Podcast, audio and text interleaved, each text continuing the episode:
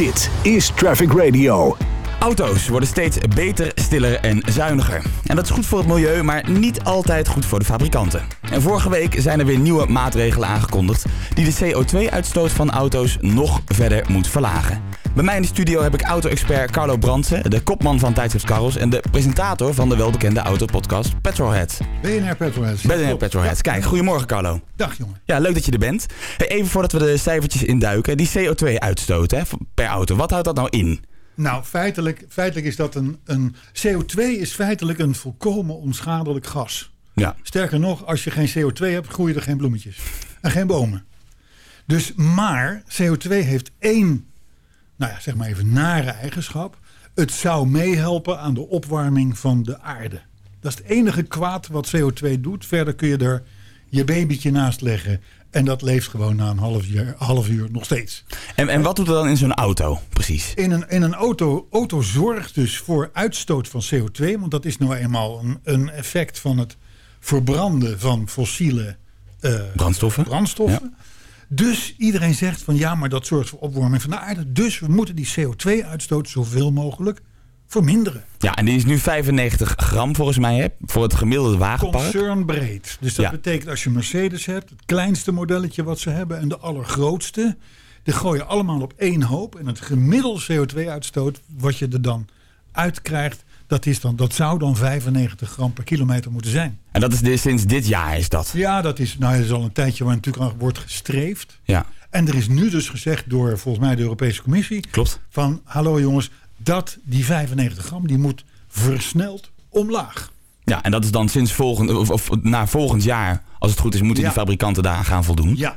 Maar wat betekent dat dan voor die fabrikanten? Nou, dat is echt een, een ongelooflijk iets. Het, ehm, eh, fabrikanten die, die willen natuurlijk bouwen wat de mensen willen. En niet alleen wat wij in Nederland willen, maar ook wat ze in Dubai willen, in Afrika, in Australië. Noem het allemaal maar op. De grote fabrikanten werken nou eenmaal over de hele wereld. Dat is niet zo makkelijk om daar nou een gemene deler in te vinden, zou ik maar zeggen. Maar goed, eh, je hebt dus enorme windstreken op deze planeet waar ze snelle grote auto's willen.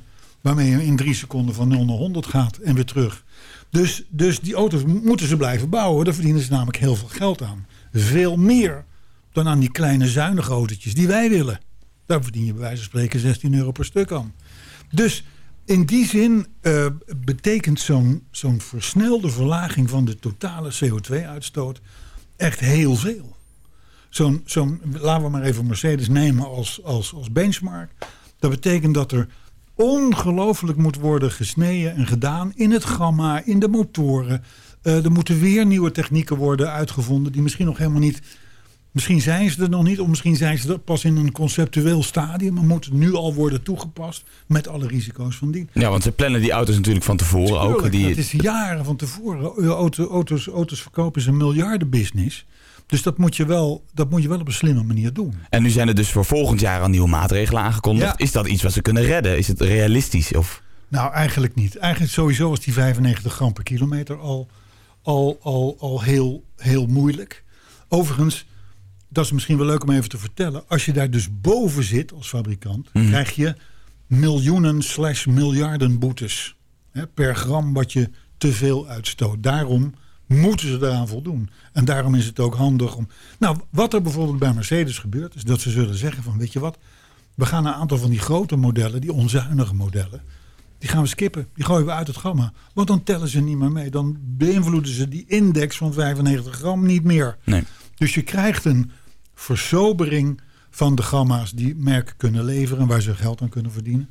En, eh, en, ja, en zullen ze enorm proberen om nog zuiniger technieken Ja, eh, te ontwikkelen. En dat is van die- natuurlijk op zich goed. Een van die technieken is natuurlijk de elektrische techniek. Hè. We worden steeds Ja. meer de elektrische auto ingeduwd. Er zijn eh, geen, eh, voor mij rij- heb je geen bijtelling op een elektrische auto. Je hebt, Wordt aan alle kanten gesubsidieerd. wordt- miljarden. Ja. ja, maar, maar is dat nou een goede ontwikkeling dat we Nou, allemaal die kanten moeten? Nee, want en dat merk je ook, want zonder subsidies de- de- de- daalt de verkoop van een elektrische auto naar nul.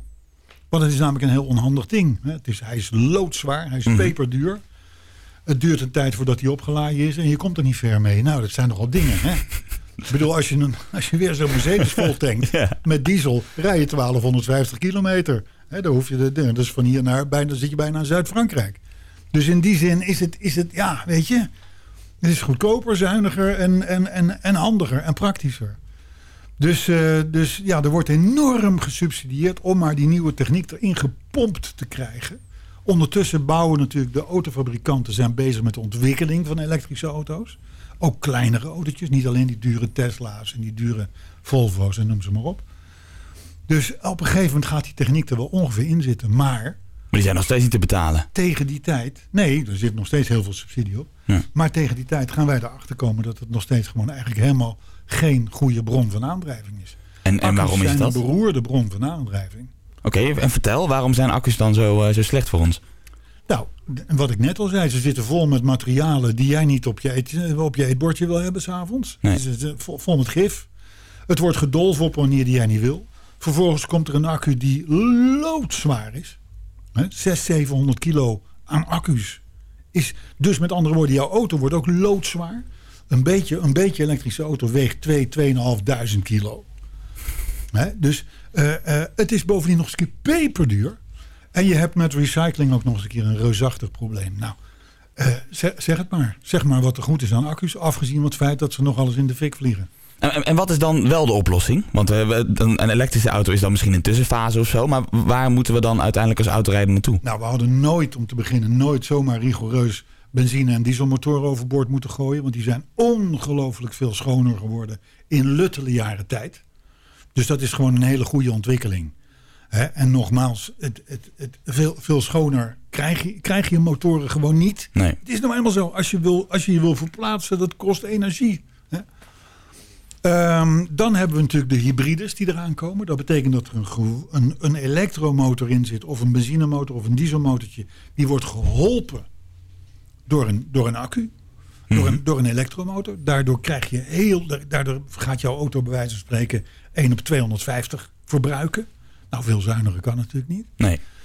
En op termijn wordt er dus veel gesproken over waterstof. En waterstof, dat is feitelijk ook weer een elektrische auto, maar die heeft zijn eigen aggregaat, zeg maar, aan boord. Die vul je feitelijk met water, met waterstof. En daar komt alleen maar condens uit de uitlaat. Dus dat is ideaal. Alleen het vervelende is, waterstof is iets, dat moet je maken. Dat, dat komt niet uit de grond. Nergens kun je waterstof uit de grond halen. Je moet het fabriceren. En dat kost vrij veel energie. Ja, er zijn wel al auto's die dat hebben volgens mij. Er zijn een paar testauto's die Ja. ermee rondrijden. Ja. Is dat al een succes? Of... Nou, je kan niet van een succes spreken, want er, de- want er zijn geloof ik drie waterstofpompen in Nederland en, en vier auto's. En dat zijn dan overheidsauto's, weet je wel. Dat is, eh, en eh, Marjan van Loon, de, die rijdt erin, dat is de CEO van de Shell. Ja. Maar ja, goed, die heeft een chauffeur en die gaat gewoon elke keer ergens somewhere tanken waar, waar, waar dat kan. Dus dit- op dit moment kun je dat nog niet zeggen. Maar ik heb zelf in waterstofauto's gereden. Dat, dat merk je gewoon geen verschil. geen verschil met andere auto's. Nee. Dus, dus niet per se een goede ontwikkeling, die, eh, die, die strengere maatregelen. Nou ja, het dwingt mensen in een vol elektrische auto te stappen. En een vol elektrische auto is gewoon geen goede manier van aandrijving. Het is, het is, het is sexy, maar het is duur, giftig, zwaar eh, en met heel beperkt nut. Dus, dus om nou iedereen een laadpaal in zijn tuin te douwen, overal heel Nederland te, te, te, te bezaaien met die, met die, met die palen. Eh elk tanks, noem het maar op. Overal, overal, overal. Ja, over een tijdje gaan we erachter komen dat, het gewoon, dat er veel betere manieren van aandrijving zijn. Dus nee, niet handig. Geen goede oplossing. Dankjewel Carlo Brandsen, auto-expert en presentator van de autopodcast Petrolhead. Dankjewel voor het komen. Dit is Traffic Radio.